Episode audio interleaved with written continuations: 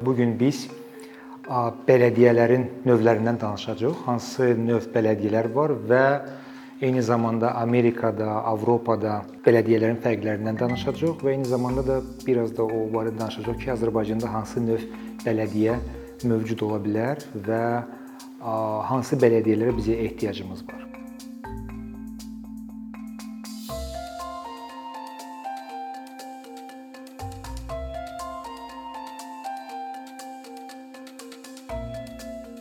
Birincisi olaraq mən istəyərdim Amerikanın Birləşmiş Amerika Birləşmiş Ştatlarının bələdiyyələrindən danışım. Birincisi olaraq Amerika bələdiyyə sistemi çox mürəkkəb və federativ sisteminin üstündə qurulan bir sistemdir.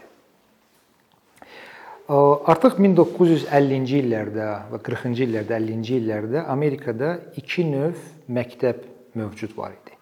Bir məktəbin adı monosentrik məktəbi idi.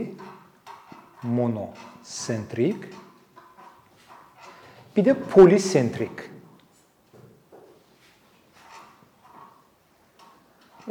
Belə desək, dövlət idarəçiliyindən və eyni zamanda yerli bələdiyyələrdən və s. olan ədəbiyyat çoxsu olaraq bizə 40-cı 50-ci illərdə Amerikadan gəlib və 40-cı 50-ci illərdə bu iki dənə məktəb, yəni ki, fikir məktəbləridir. Onların arasında mübahisələr olub ki, bələdiyyələr hansı sistemin üstündə qurulmalıdır.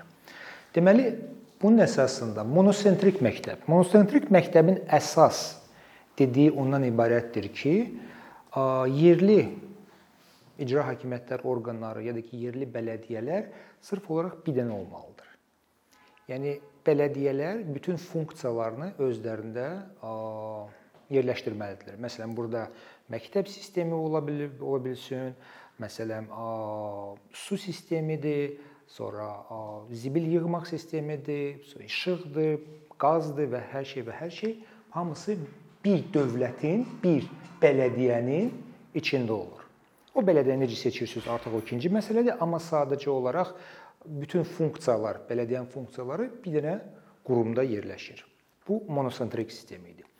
Halbuki Amerikanlıların çoxusu bu sistemi bəyənmirdilər və çoxsu olaraq polisentrik sistemindən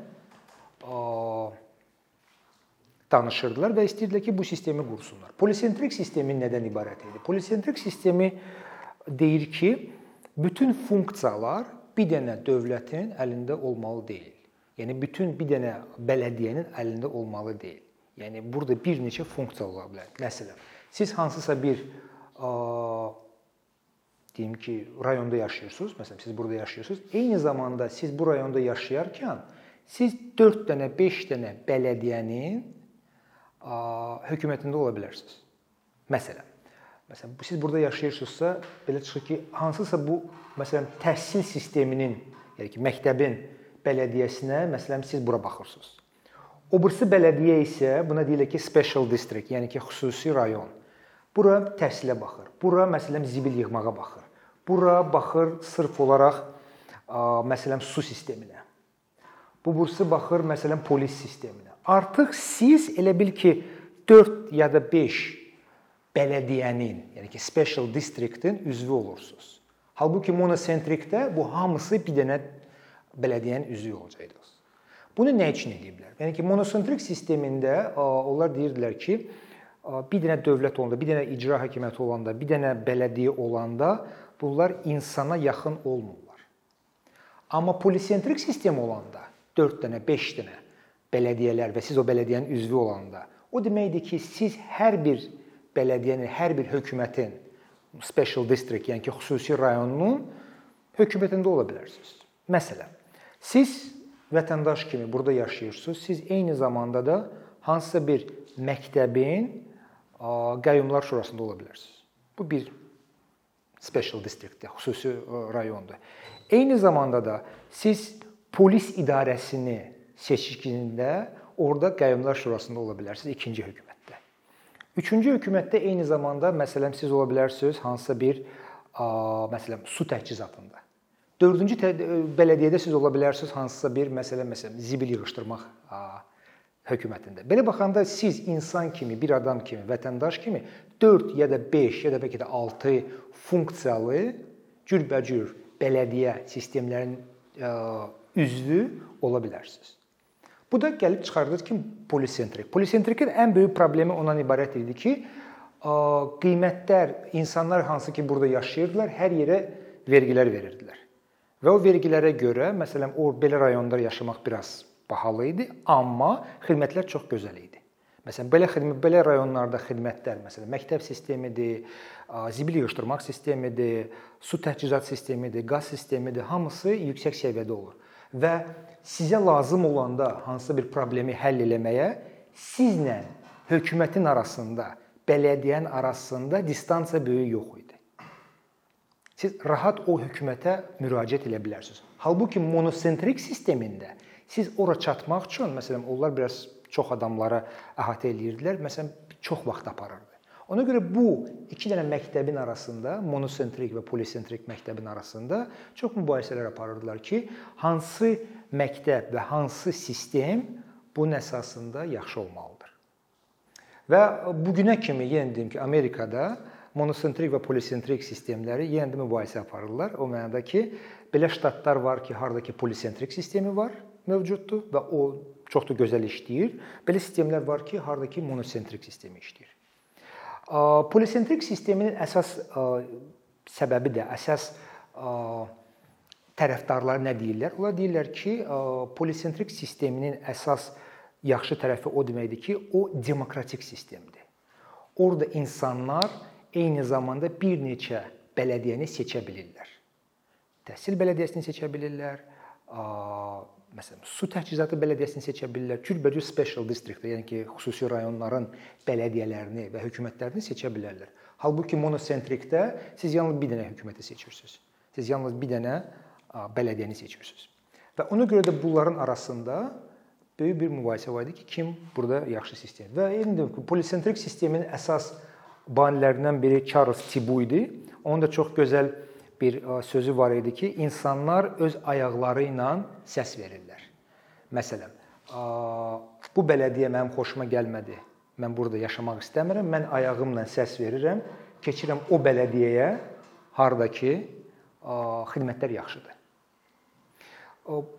Amma yenə deyim ki, bu sistem və polisentrik sistem və eyni zamanda monosentrik sistem Avropa ölkələrində işləmədi. Məsələn, keçmiş Sovet hökuməti dağılandan sonra Latviya, Litva, Estoniya, keçmiş Şərqi Avropa ölkələrində polisentrik sistem işləyə bilməzdi ona görə ki, Amerikan sistemində əsasən fərqlilik ondan ibarət idi ki, vergilər tamamilə fərqli idi. Məsələn, bu gün biz Avropa sisteminə baxsaq, Amerikada Avropa sistemində vergilər mərkəzləşmiş bir yerdədirlər. Məsələn, nə vergilər verilir, çoxsu olaraq ümumi büdcəyə gedir və ümumi büdcədən sonra paylanılır bələdiyyələrə və eyni zamanda bələdiyyələrin pulu olmasa da dövlətdən o hansısa bir qrant şəklindəmi ya da ki, hansısa bir pul şəklindəmi bu alır. Amerika sistemində, çoxsu polisentrik sistemində onların əsas gəlirləri, əsas gəlirlər bələdiyyələrin gəlir torpaq vergisindən. Buna torpaq vergisi deyil, mülk vergisindən, buna deyilir ki, property tax və əsas pullar, əsas büdcə bundan yığılır. Bundan yığılanda da o da belə vəziyyətə gətirib çıxardır ki, o bələdiyyələr harda ki varlı bələdiyyələrdir. Qiymətlər orada yüksəkdir. Torpaq qiyməti yüksək olanda o qiymət o bələdiyyələr varlı olurlar. O bələdiyyələr ki, harda ki torpaq qiyməti aşağıdır və zəifdir, onlar pulu yığa bilmirlər. Və ona görə orada məktəb sistemi də zəifdir. Onda orada bütün təchizat da zəifdir, polis də zəifdir və bütün xidmətlər orada aşağı keyfiyyət olacaq, aşağı səviyyədə olacaq.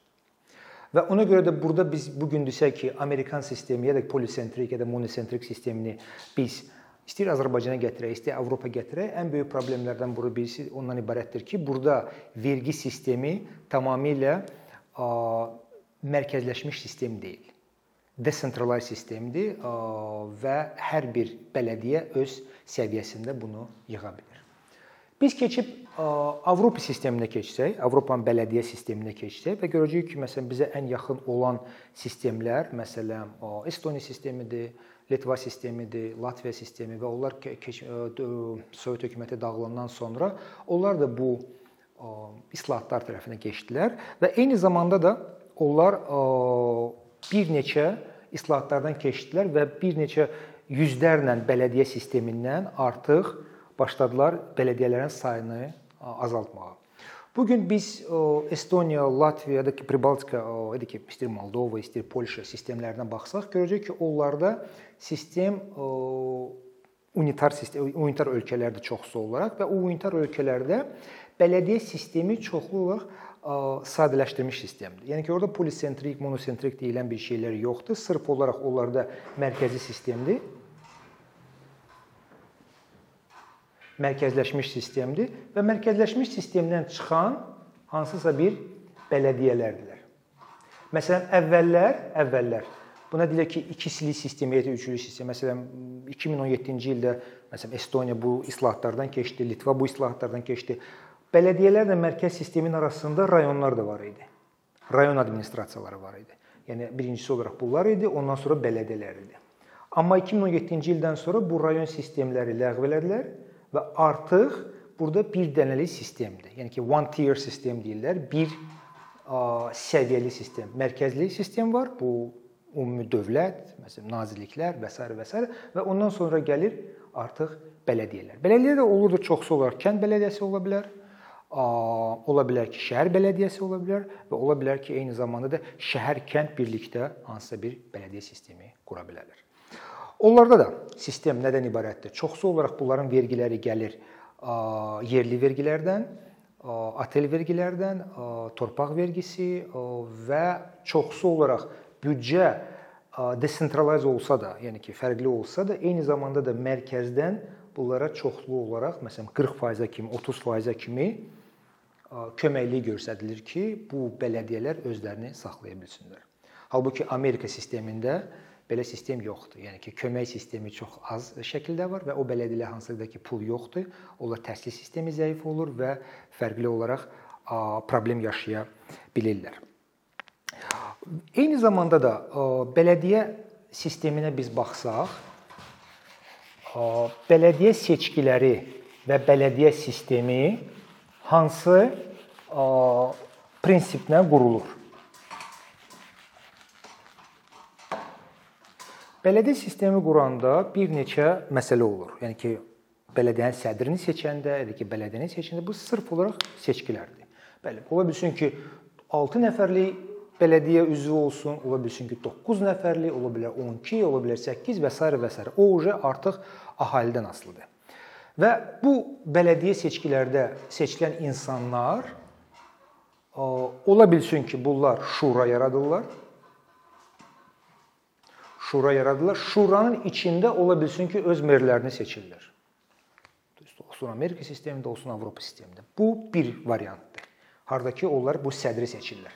Yəni ki, bələdiyyənin sədri seçilir, bələdiyyənin sədri artıq olaraq mer olur. Bu bir vəziyyət ola bilər. İkinci vəziyyət ola bilər ki, hardakı bu şura seçilir, 9 nəfərlik, amma mer, mer dərhal seçkilərdə seçilir insanlar tərəfindən bələdiyyə tərəfindən seçilmir, insanlar seç tərəfindən seçilir. Bu artıq siyasətçi merdir. Bu bələdiyyə meridir. Bu isə siyasətçi merdir. Nə mənada ki, bunu bunu artıq insanlar seçiblər. Bunu bələdiyyə seçmir. Bələdiyyə sırf olaraq bunu kontrol edə bilər ki, məsələn, vergidə, büdcədə və s. Üçüncü tip ola bilsin ki, mer menecer. Menecer nədir? 12 nəfər ya 18 nəfər, 16 nəfər kimdirsə oturub fikirləşirlər ki, biz bələdiyyə üzvləriyik, amma bizim biliklərimiz belə də yaxşı deyil. Gəl biz qıraqdan mer gətirək qoyaq.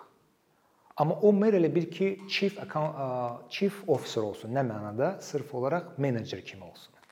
Yəni biz o meneceri gətiririk, onun maaşını veririk. O da bütün şəhəri idarə edir. Amma biz onu kontrol edirik o mənada ki, siyasi tərəfdən biz onu kontrol edirik. Ona görə menecer. Ona görə ki, 3 dənə adamlar var. Deməli, şura meri, yəni ki, bələdiyyə meri ola bilər. ola bilər ki, siyasətçi mer olsun, ola bilsin ki, menecer mer olsun. 3 dənə növ mer ola bilər. İndi bunu desək ki, hansına Azərbaycana uyğundur, hansına Azərbaycana uyğun deyil, ya da hansı ölkələrə uyğundur yoxsa yox, hətta Amerikada biz baxsanıq, üçü də mövcuddur. Hansı bir ştatda ola bilsin ki, şura tərəfindən seçilmiş mer ola bilsin, ola bilsin ki, siyasətçi olsun mer, üçüncüsü də ola bilsin ki, menecer ola bilsin. Bunun hər hər tərəfindən yaxşı tərəfi də var, pis tərəfi də var. Birincisi olaraq menecer tərəfinə baxsaq, menecer tərəfi bir tərəfdən yaxşıdır ki, o insanların fikrinə, yaxşı tərəfi də pis tərəfi də olar, insanların fikrinə qulaq asmır. O deyir ki, mənim məqsədim var, mən bilirəm nə edirəm, mənə belə pul veriblər və mən bunu yerinə yetirməliyəm. Yəni mənim loyallığım sizin sisteminizi qurmaqdır. Mən artıq burada populist işlərlə məşğul olmayacağam. Mən sırf olaraq bu şəhəri ayağa qaldırmalıyam. Bunu deyir menecer. Yəni mənə pul verir bu bu bələdiyyə sistemi. Mənə deyir ki, sən bu sistemi qurmalısan, sən bu sistemi eləməlisən. Məsələn, Detroit yadınızdadırsa Detroit şəhəri 2000-ci illərdə bankrot oldu. Nəyə görə? Çoxsu olaraq siyasətçi merlər gəlirdilər hakimiyyətə. Onlar bondlar buraxırdılar. Bondlar yəni elə ki, borc öhdəlikləri buraxırdılar və 20 il, 30 il ərzində buraxdıqdan sonra gördülər ki, məsələn, şəhər bankrot oldu. Şəhər bankrot olandan sonra onlar gətirdilər, çıxartdılar ki, bir dənə menecer gətirdilər, krizis meneceri gətirdilər ki, və buna dedilər ki, bizi bu borcdan çıxartmalısan. Bizə siyasətdən artıq bəsdir. Biz bunu siyasətə girişmək istəmirik. Bizə menecer lazımdır. Və o menecer artıq başladı işləməyə ki, şəhəri problemdən çıxartsın. Bunun artıq işi deyil idi ki, məsələn, insanları razı salmaq. Bunun işi deyildi ki, cəmaatı desin ki, cəmaat bunu bəyənsin. Bəyənmək üçün gəlmir. Bu krizisdən çıxartmağa gəlmişdi. Ona görə bu menecer idi. Siyasi tərəfinə, siyasi merin tərəfi bir tərəfdən yaxşı tərəfi odur ki, o hakimiyyətə gəlir insanlar tərəfindən seçilmiş insandır. Elə bil ki, dərhal insanlar onu seçiblər və o onlara cavabdehdir o insanlara. Və ona görə o çalışır ki, insanları razı salsın. Ola bilsin ki, yaxşı da ola bilər, ola bilsin ki, pis də ola bilər. Məsələn, mən yaşadığım şəhərdə bizim merimiz siyasətçi mer idi. Hər il 20 milyon, 30 milyon xərcləyirdi, feyerverk eləyirdi, salut eləyirdi. Yəni ki, cəmaət deyirdi ki, hamı onu əl çalırdı ki, çox gözəl merdir, görürsüz necə yaxşı eləyib və s. Amma vəziyyəti bilən adamlar deyərdilər ki, 20 milyon, 30 milyon büdcədən feyerverka, saluta vermək bizə yaramaz. Biz kasıb şəhərik. Bizim kasıb şəhərimizdə 20-30 milyonu acdara vermək olar, kasıblara vermək olar. Siz onu saluta verirsiniz. Amma o deyirdi ki, mənə vacibdir insanları razı salım. Kasıblara nə lazımdır? Gəz bir dənə salut eləyək, gəz bir dənə festivallar eləyək və s. və s. Budur. Yəni bir tərəfdən yaxşı tərəfi də var ki, o sizə cavabdehdir, amma bu tərəfdən də populistdir. Və nəhayət üçüncü şura meri, yəni o mənada ki, bu insanların içindən, məsələn 9 nəfər, 10 nəfər, 18 nəfərin içindən bir adam seçilir. Elə bil ki, o şəhərin meri ya da ki, kəndin meri, bələdiyyə sədri artıq olur sizin meriniz. Yenə deyim ki, bu 3 dənə sistem, üçü də mövcuddur Amerikada. Hətta Avropada da bir neçə çox ölkələrdə mövcuddur. Bundan başqa menecer çoxlu gətirmirlər. Onlar gətirirlər ya seçilmiş meri, ya da ki, bələdiyyədən çıxan merləri. İndi biz oturub fikirləşsək ki, bizdə Azərbaycanda hansı bələdiyyə növü var, hansı bələdiyyə növü ola bilər gələcəkdə. Onsuz da bizdə indi fikirlər var ki, gələcəkdə islahatlar gedəcəklər və icra hakimiyyətləri ola bilsin ki, ləğv olunsun və biraz mərkəzləşdirmə sistemi olsun, iqtisadi regionlara bölünə bilər və s. və ondan sonra bələdiyyələr bizdə bir yüzlərlə bələdiyyələr var. Onların taleyi necə olacaq? Biz onları necə imkan yaratmalıyıq ki, onlar artıq işləyə bilsinlər. Ona görə də o moment gəlir bizə çıxır ki, bizə çox bələdiyyə lazımdırmı, yoxsa az bələdiyyə lazımdır? hər bələdiyyə nə qədər adam düşməlidir? Məsələn, bu gün biz deyə bilərik ki, bəli, 5000 ola bilər, 10000 ola bilər, 12000 ola bilər. Bu standart ola bilərmi yoxsa yox? Və ortalama rəqəm nə qədər olmalıdır? Bu bir bir məsələ olacaq. Hansı ortalama rəqəm? İkinci, bizə vacibdir bilmək ki, çoxmu bələdiyyə olsun sayı, yoxsa az olsun? Mərkəzləşdirməmi çox olsun, yoxsa necə ki, demərkəzləşmə, desentralize sistemi olsun. Nə qədər çox bələdiyyələr oldu, belə yaxşıdır. Nəyə görə ki, hər bir insana düşən nə qədər çox bələdiyyə düşürsə insana belə yaxşıdır. Yəni ki, hökumətə yaxın olacaq insanlar. Bu ikinci məsələ. Üçüncü, meri seçiləndə biz onu necə seçirik? Siyasətçi kimi seçirikmi? Menecer kimi gətiririkmi? Yoxsa biz onu şura üzvü kimi bələdiyyənin içindən biz çıxardırıq. Ola bilsin ki, heç bir model də bəlkə də işləmədi. Ola bilsin ki, hansı bir rayonda bu model işlədi. Hardakı şuradan gələn merdir. Ola bilsin ki, böyük şəhərlərdə seçki tərəfindən seçilmiş mer gəldi, siyasətçi gəldi və ona hansısa bir siyasətçi siyasi ə, məsələlərlə gəldi. Da ki, ola bilsin ki, hansısa bir vəziyyətdə, hansısa bir sizin şəhərinizdir, qaldırmaq istəyirsiniz, sizə sırf olaraq menecer lazımdır ki, onu gətirəsiniz. Ona görə burada bizim əsas məqsədimiz ondan ibarət olacaq ki, bu gün başa düşək ki, Azərbaycanda mövcud vəziyyətdə biz bələdiyyə seçkiləri onsuz da var və bələdiyyələrə təzədən biz administrativ, siyasi və iqtisadi azadlıq versək, hansı üsulla biz gedəcəyik? Polisentrik modellə mi gedəcəyik, monosentrik modellə gedəcəyikmi? Hansı merlər bizə lazım olacaq? Siyasətçi mer lazım olacaqmı, yoxsa menecer mer lazım olacaq, yoxsa şura meri lazım olacaq və sairə.